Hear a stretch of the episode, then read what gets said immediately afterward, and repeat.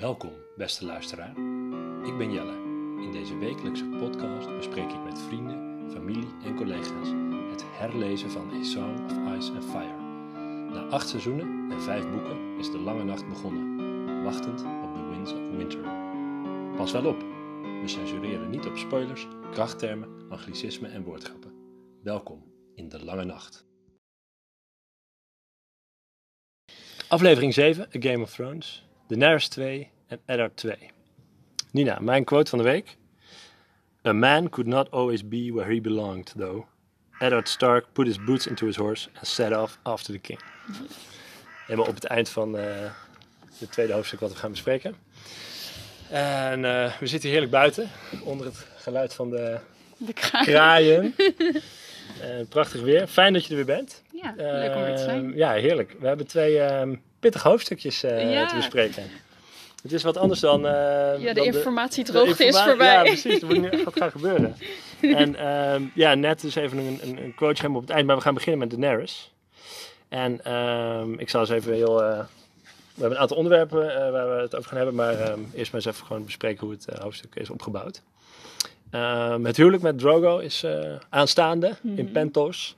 het leidt wat tot wat spanningen in de stad. Er zijn hele hordes met Dothraki hebben zich verzameld. En uh, Viserys is een beetje ongeduldig. Die probeert de boel onder druk te zetten.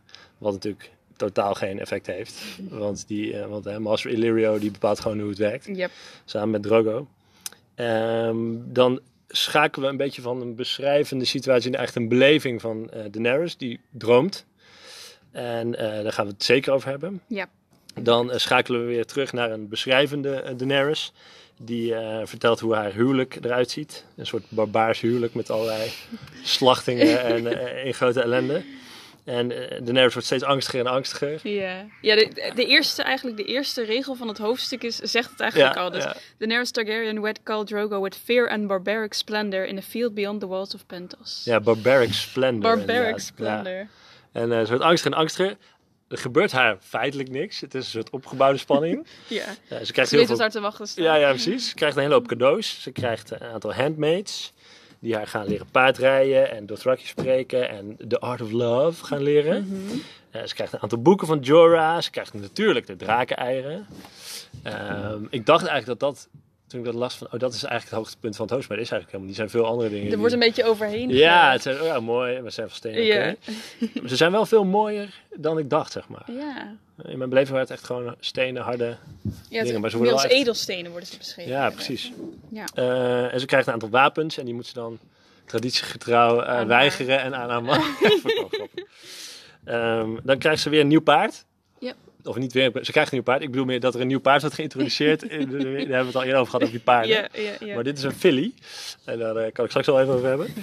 Um, ja, en dan uh, ja, de bedding eigenlijk. Hè? Dus uh, zij rijdt met Drogo samen. Ja. En, uh, Ondanks alles een, toch een van de betere huwelijken van uh, The Song of Ice and Fire. ja, is echt inderdaad, ja. Ja, dit is toch wel, uh, ja, ja, inderdaad. Dat is een wat ruig begin. Um, en volgt een, eigenlijk een hele milde seksscène. Of nou, ja. Wat ja, er goed, beschreven ik wordt. zeg maar, inderdaad. Nou, gaan we daar meteen over beginnen? Of? Um, nou ja, daar komen we nog op. Het eindigt in ieder geval met. Ja. Door, door wordt geneukt. Dat, daar eindigt het mee. Ja, ja, en hoe dat komt, daar gaan we nog over.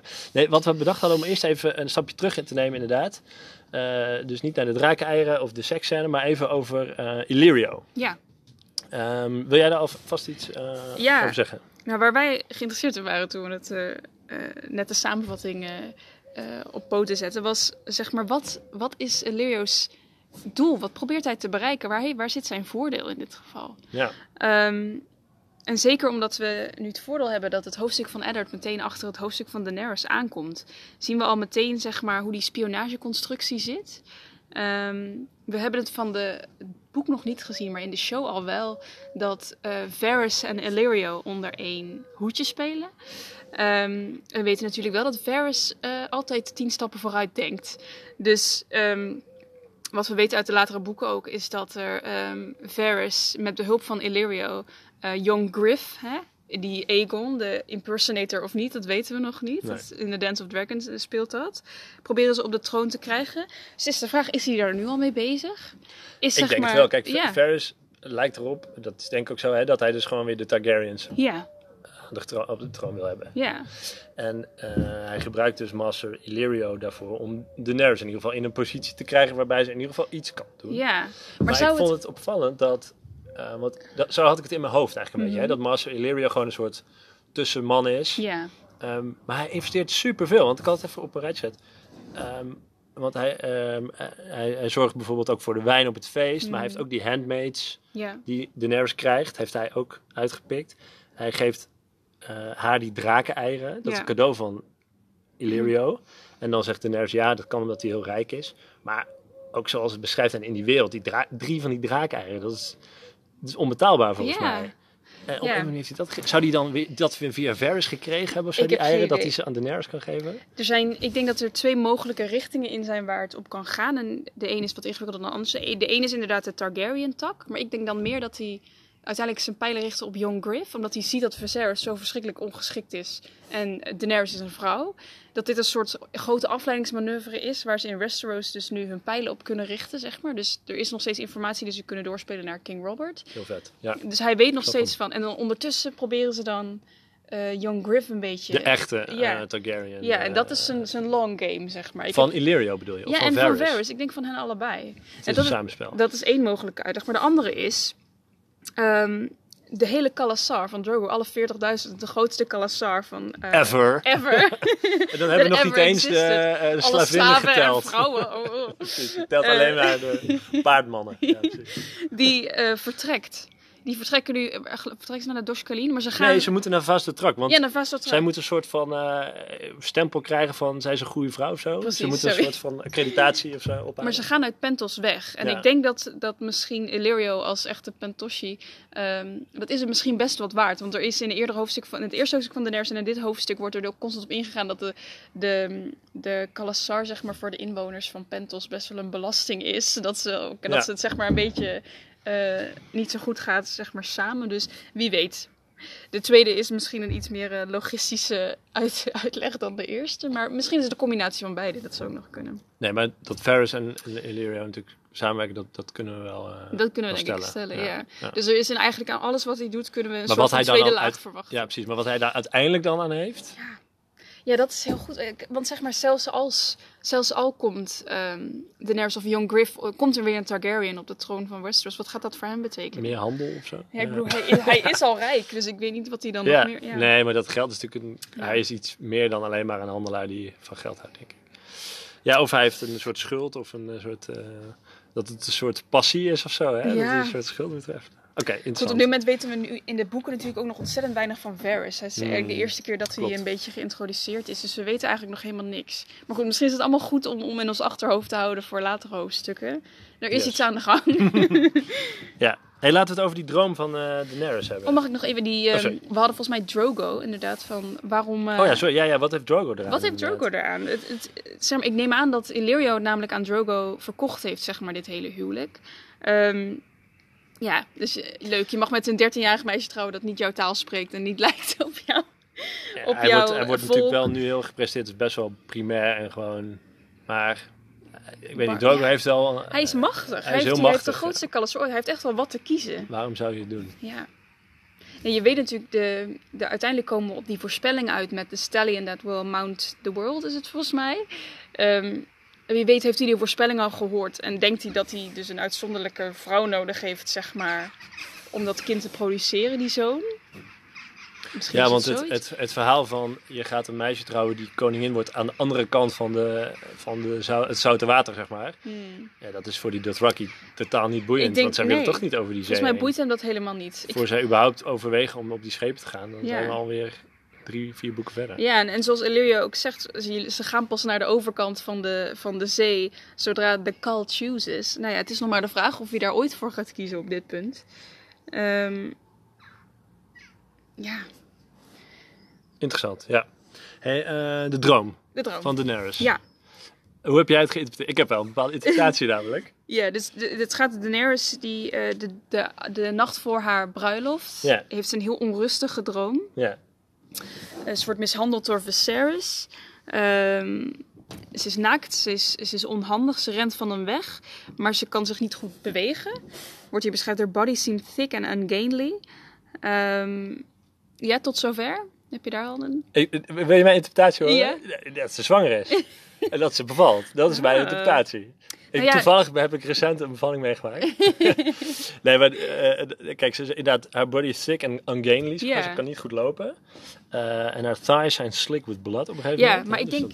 Maar is dat een, denk je dat een bevalling is? Of dat je, denk je dat dit weer de foreshadowing is van haar uiteindelijk eh stillbirth? Ja, het miskraam kunnen we het namelijk niet echt noemen. Ja, nou, de- in ieder geval een proces van iets bevallen. Bev- Inderdaad. Ja, ja. Nee, niet te gezond. Want dan is er een ripping sound.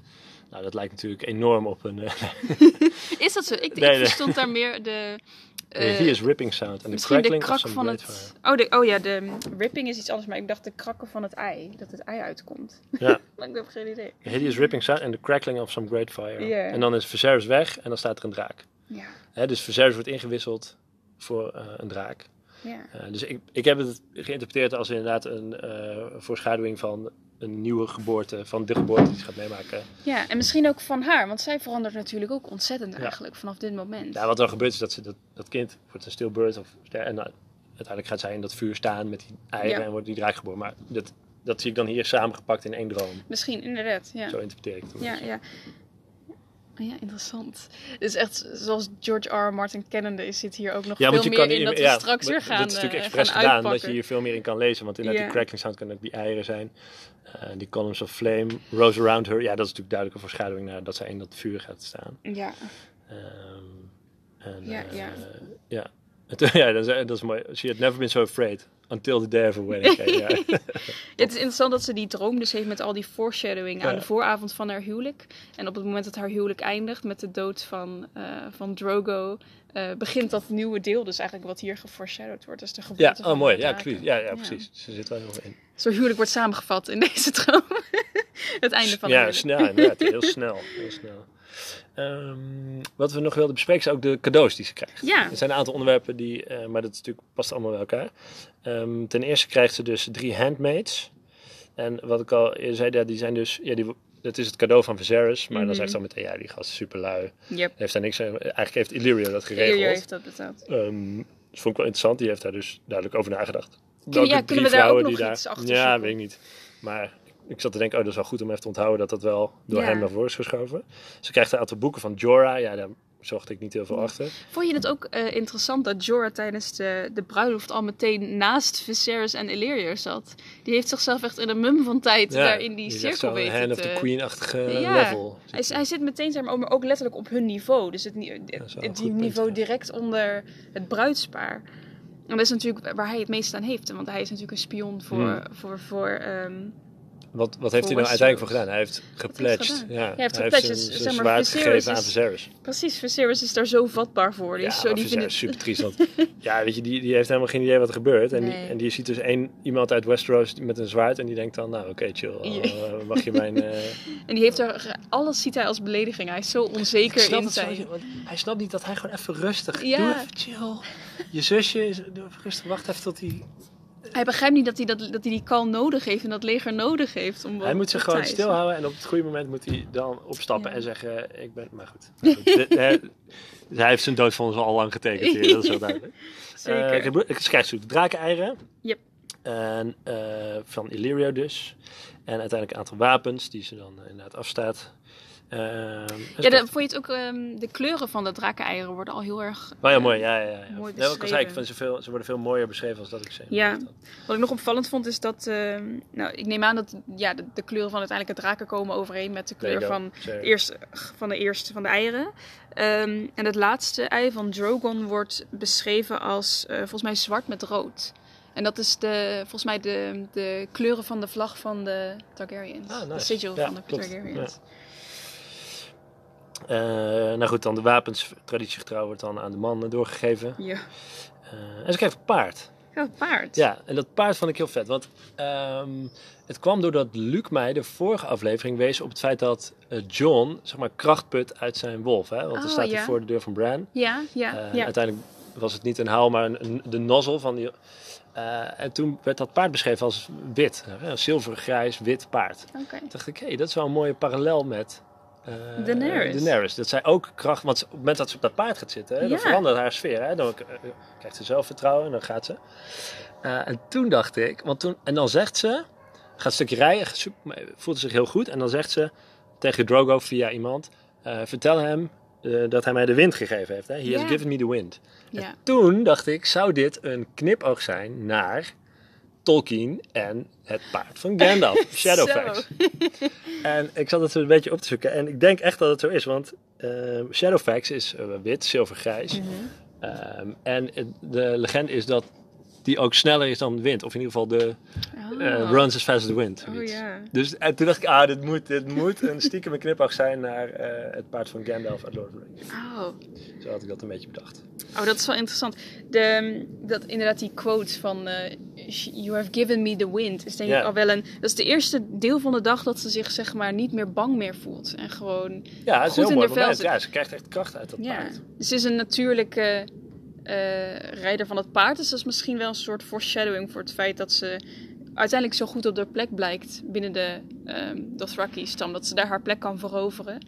Mogelijk aan het feit dat ze later ook dus op een draak gaat Ja. eh, rijden. Ja. Eh, nog even voor de fijnproeven, want we hadden het eerder al gehad over die Destriers en die, eh en Ja. die Garens en zo. Een filly is dus een female horse that is too young to be called a mare. ja. Dus een soort... eh, Een veulen, een vrouwelijk veulen. Ja, zoiets. Ehm, nou, ook weer mooi om te weten. filly. Oh ja, en de, eh, de mannelijke... Dit is gewoon Wikipedia dat ik nu voorlees, hè. De equivalent van male is een colt. Een colt. Dus een filly. Kan weer eh, aan het arsenaal van paardensoorten. Wat ik ook nog leuk vond daar was dat hij, hij heeft, je kunt je bijna afvragen of het paard is uitgekozen op Daenerys of, of, of Daenerys is uitgekozen op het paard. Oeh, nice. Ehm, want ehm eh, Illyrio vertaalt voor Drogo aan Daenerys, ehm, silver for the silver of your hair, the call says. And she is the pride of the Khalasar. Wie is de pride of the Khalasar? Uiteindelijk Daenerys Ja, of is op het het het paard? Dat is heel leuk. eh, Dat is een interessante bevinding, ja. want, Is misschien een soort eh, barbaarse uitleg, maar- Drogo, die is natuurlijk helemaal into the horse, horses. En Ja, daar, daar geven zij veel meer betekenis aan, dus wie weet Hij heeft dat er wat mee te maken. dat zou echt hilarisch zijn. Dat hij gewoon toch een horse dude is. Ja. Ehm, Oké, dan de laatste eh, scène. Vind ik wel, ben ik wel benieuwd wat Ja. jij daarvan vindt. Ehm, want dat is eh, de seksscène of de Mhm. bedding of hoe je het wil noemen. Ja. En wat er gebeurt is dat de angstige, bange Daenerys hij moet mee, soort van geforceerd. Maar uiteindelijk is die eh Khal Drogo toch een knappe, sterke man en weet haar toch op te winden. en vindt het toch fijn om seks met hem te hebben. Ja. ja, het is, Ik had toch een beetje moeite. nou, nummer 1. Ze is 13. Precies, ja, oké, ja zeker, los van de leeftijd. Maar ik vind het, zeg maar, het wordt vanuit Daenerys geschreven. Maar het is een heel erg mannelijke fantasie eigenlijk, wat je hier ziet. Ja. Eh, namelijk de, eh, de man die zegt van, nou ja, dat meisje, ja, ze vond me eerst, eh, eerst zei ze nee, maar ik ben zo'n goede lover. Ik heb er overtuigd. Ik heb haar overtuigd dat ze toch seks met hem hebben. Ik vond het niet zo'n hele sterke, eh, ik vond het niet zo sterk zijn eigenlijk. Nee. Ja, wat mij opviel ehm, was wel het contrast met haar verwachtingen en de, en de uiteindelijke uitkomst. Want het is inderdaad een stuk zachtzinniger dan wat ze, Ja, ja. waar ze bang Nee, voor kijk, is. Martin heeft natuurlijk willen, eh, het doel van hem is natuurlijk geweest van, nou, uiteindelijk blijkt die Khal Drogo best een, een aardig man en vraagt hij nog. Ja. Maar het is natuurlijk compleet een oneerlijke relatie. Er zijn natuurlijk heel veel verhalen van, hele, van vrouwen die zeg maar eh, aangerand worden of verkracht worden. En dan op een gegeven moment gewoon zeggen, ja luister, ik ben gewoon maar mee gaan doen. Mhm. Ik heb gewoon maar ja gezegd. Ja. Als je als supersterke vent gaat vragen aan een vrouw, oh ja. ja, of nee. Want Ja, als, wat als, kijk, hij vraagt aan het eind inderdaad haar consent. Ja. Inderdaad, ervan uitgaande dat ze het kan geven. Maar als ze nee had gezegd, was hij dan Ja, daarom, ja precies. Dat Dat is totaal oneerlijk. Nee, ik vond het wel een heel, Waarschijnlijk niet. ik vond het wel een heel mannelijke versie van Ja. eh, deze seks. ja, ik weet dat wat we ook weten van de, de bruiloften in de rest van eh, Westeros, in ieder geval als we ervan uitgaan dat de meeste niet eindigen in bloodshed, is dat je wel daar altijd de bedding ceremony hebt. Het is gewoon ook een ongelooflijk barbaars Hmm. ritueel waar je waar ook Ja, je wordt uitgekleed. uitgekleed door eh, allemaal vreemde mensen en ergens, weet je wel. Dus, dus eigenlijk is er geen enkele bruiloft in, eh, in deze, dit, dit boek, zeg maar, die er, Klopt, die qua rituelen, zeg maar, Dat is waar, eh, het past ze wel zijn, ze zijn niet beter dan de een of de Nee. ander, zeg maar. klopt. Maar inderdaad, het is, ja, het is een beetje icky. Wat wel het grote verschil is, voor, voor mij zat hier weer natuurlijker in mijn hoofd, was de, de show. Hoe de show dit uitbeelde. Mhm.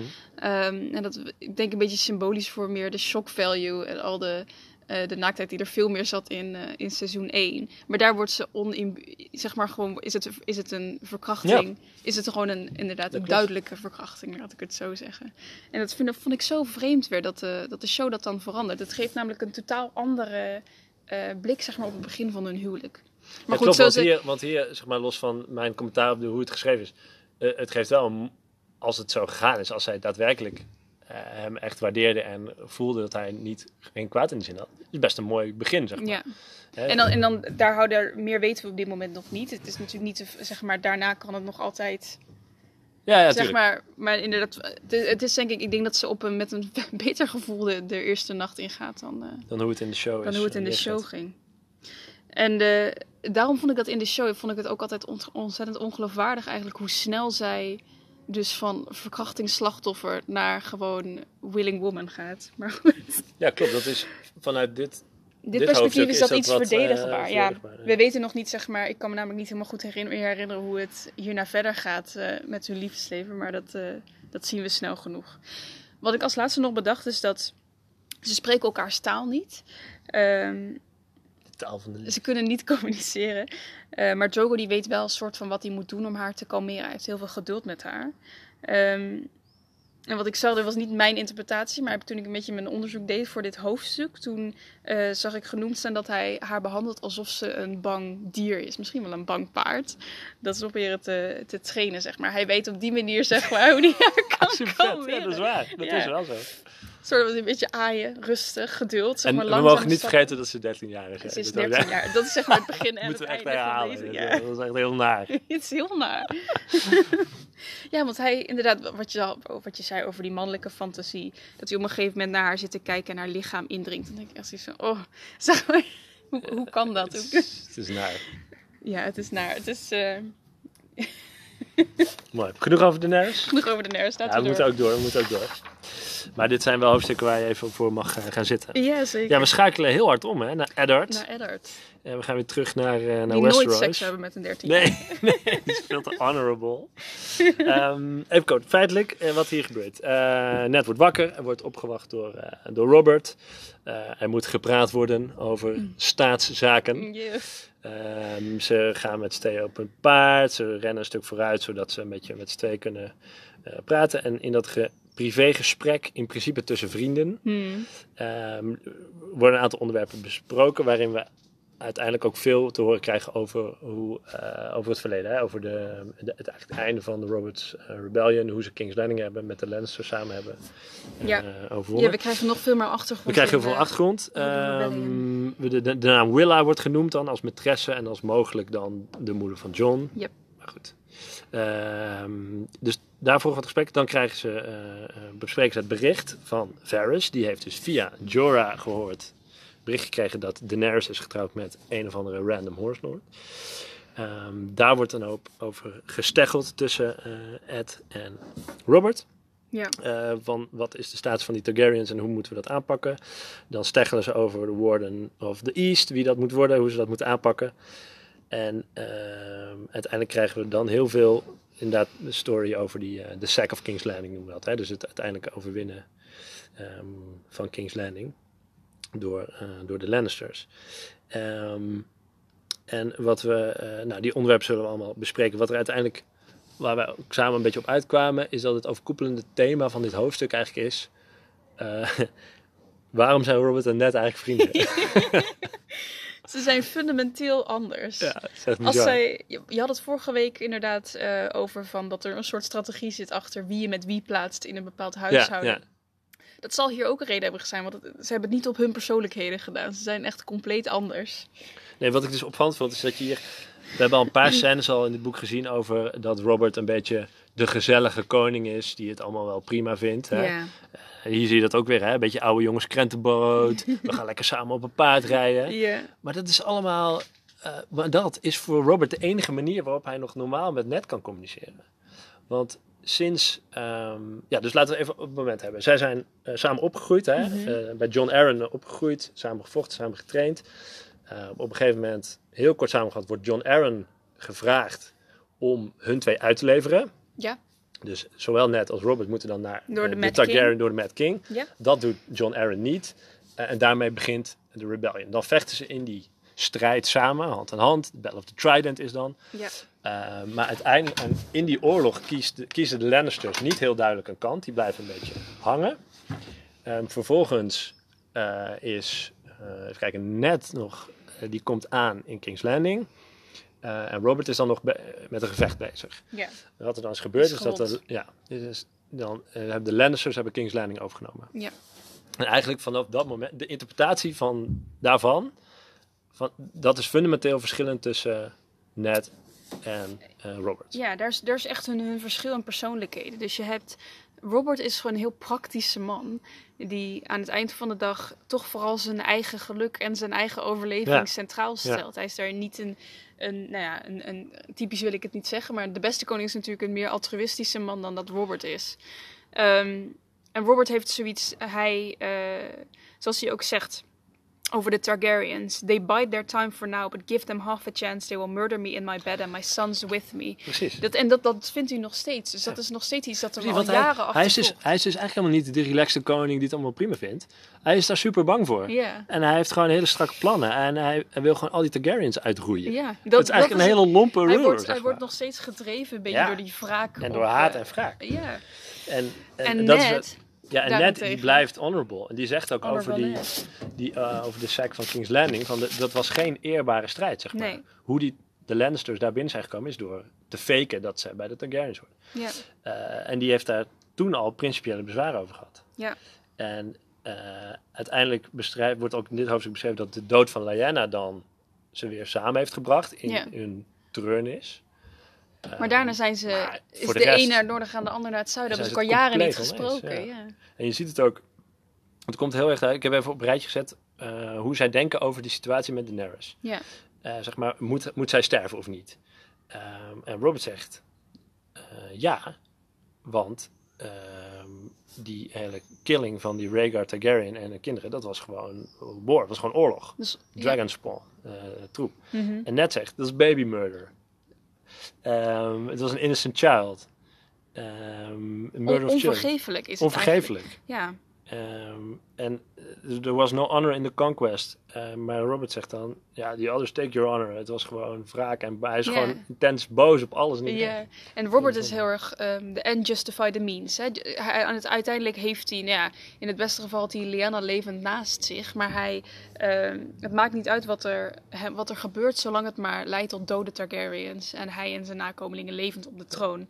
Terwijl Ned zegt in dit hoofdstuk, his sword, en dan bedoelen we dit van Jamie Lannister, waar ze later ruzie over hebben. Mm. His sword helped taint the throne you sit on. Dus het is die, die troon is aangetast. Er zit nog steeds een, een Ja. merk op. Het feit dat die, de, de, de manier waarop die troon veroverd is, zo oneerbaar is gegaan, dat kan net niet vergeten. Dat, is, dat speelt voor hem nog steeds een rol. En, en, en hij, net die plakt ook waarde aan, dat, eh, aan hoeveel haat je kan vergelden. Want hij zegt dan, hè, Lyanna is al, eh, haar dood is al gewroken bij de Battle of the Trident, zeg maar. Toen Ja. was het al even. Dus hij vindt dus dat dat dan genoegdoening geeft en dat je daarna weer door moet gaan. ja. En ik vond, wat je zei, we denken dat Ned heel erg van de route is. En Robert is heel erg van het einddoel, inderdaad. By any means. Ja. Ja. En Ned wil de route ook correct houden. En maakt, dan maakt het hem ook niet... Het gevolg is dat het hem ook niet uitmaakt wat, het, wat er uiteindelijk gebeurt. Ja, dat is, dat is minder belangrijk voor Minder hem, denk ik, als de manier waarop het gebeurt, maar eervol Ja. gebeurt. Ja. Maar ehm, behoorlijk... Ja, dus dit, dit komt weer terug op de vraag van... Hoezo zijn, eigenlijk, eh, zij zijn eigenlijk vrienden? Ja, ze zijn het fundamenteel over alles oneens. Eh, maar ze hebben elkaar dan een soort van nodig. Hè? Dus Robert die Ja. doet nog leuk. Van, oh, het was vroeger mooi. We gaan lekker eh, op Ja. het paard zitten met z'n tweeën. Maar dat is alleen maar om hem in de realm te houden. Ja. Want eigenlijk zou ik denken... Als ik nu ook voor de tweede derde keer dat dacht ik... Waarom, waarom zegt net niet gewoon... eh, Fuck dit. We gaan gewoon, weer- ik ben gewoon weer king in the north. Ehm, ik dat wil niks niet te maken. met- Dat, doet hij niet. Nee, dat is, dat, is, dat is ook niet. Hij is echt heel erg van het protocol en Ja. hoe het hoort. Maar inderdaad, ehm, ja, ik denk wat hen uiteindelijk weer samenbrengt, is dus ook wat hen initieel samenbrengt. Net aan het eind van de oorlog, hun, hun gedeelde ervaringen en het feit dat ze allebei zo rouwen om Lyanna. Ik vind het wel mooi Maar- van Martin dat hij het wel... Ik geloof het wel, zeg maar. Ja, Net is zeker. aan de ene kant onuitstaanbaar, eervol en bijna onrealistisch. Maar aan de andere kant denk ik, ja, weet je, hij is een Noordman. Hij is daarin opgegroeid in die traditie. Hij vindt dat belangrijk. Hij heeft daar heel veel ook profijt van om het zo te doen.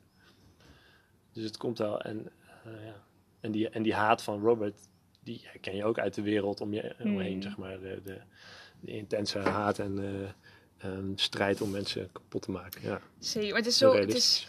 Super interessant hoe veel informatie, eh, achtergrondinformatie het hoofdstuk geeft over de oorlog. En daar alles eigenlijk wat we nu zien, daar gaan we later nog meer over leren. En eh, dat gaan we allemaal nog uitdiepen. Ehm, en ook over de karakters dus van beide mannen. Het is echt heel erg een, eh, een duidelijke weergave daarvan. Mhm. Dat is echt heel knap. Maar de, wat we ook een paar soort van aanwijzingen van krijgen, is al de manieren waarop ehm, Robert Baratheon's koningschap dus in gevaar is. Hè? Dus er ligt van alles op de loer. Ehm, foreshadowing. dus de, zo worden Sir Boros en Sir Meryn eh, eruit gelicht als de mensen die hen volgen op, Mhm. eh, op die tocht. En dat zijn natuurlijk uiteindelijk echt Kingsmen die trouw zijn aan Cersei. Ehm, dat gaan we later ook zien.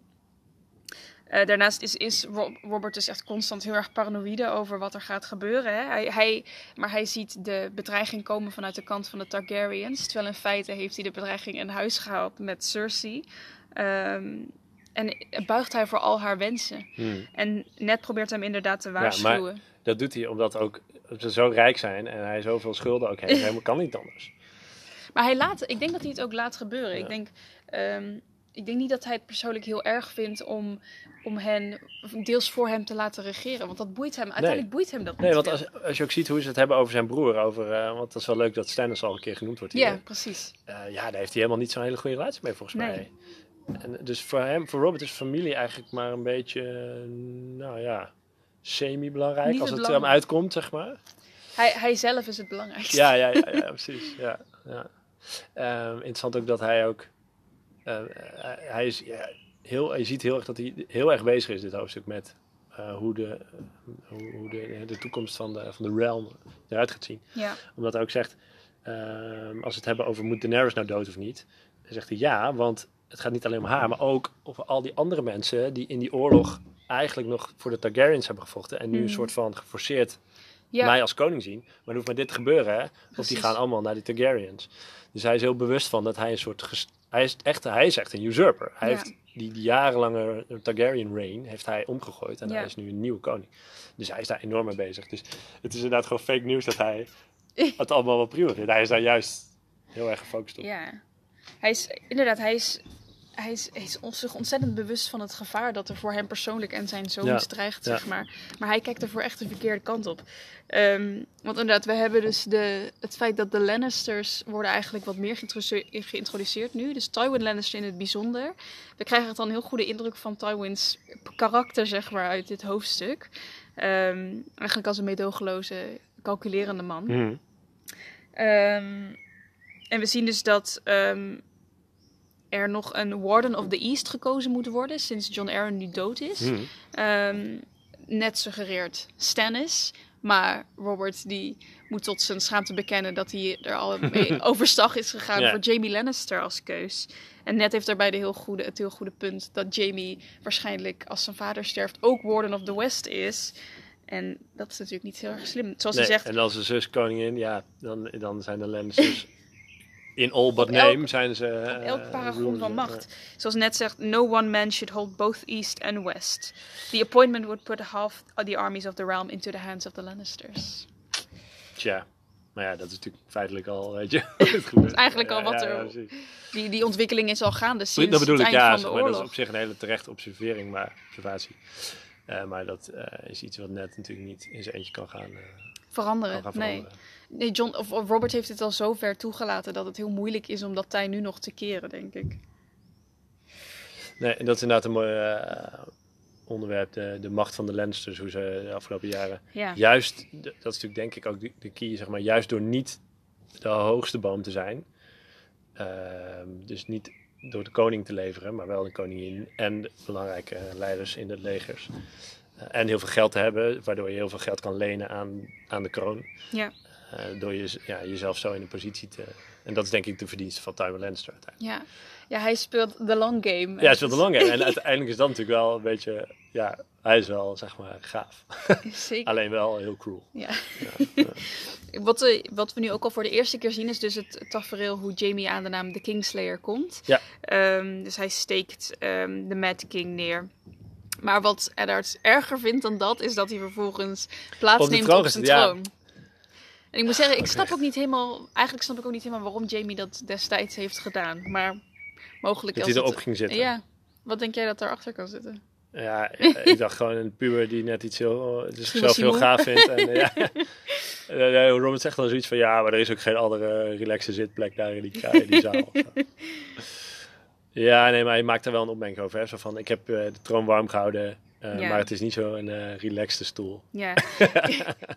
Wij weten natuurlijk wat daarachter zit. Ik, ik Ja. vind het heel interessant. Ik vraag me af als Ned had geweten, zeg maar, eh, wat, zeg maar, wat het alternatief was. Als Jamie hem niet had neergestoken. wat dan het alternatief was, zeg maar, van die situatie.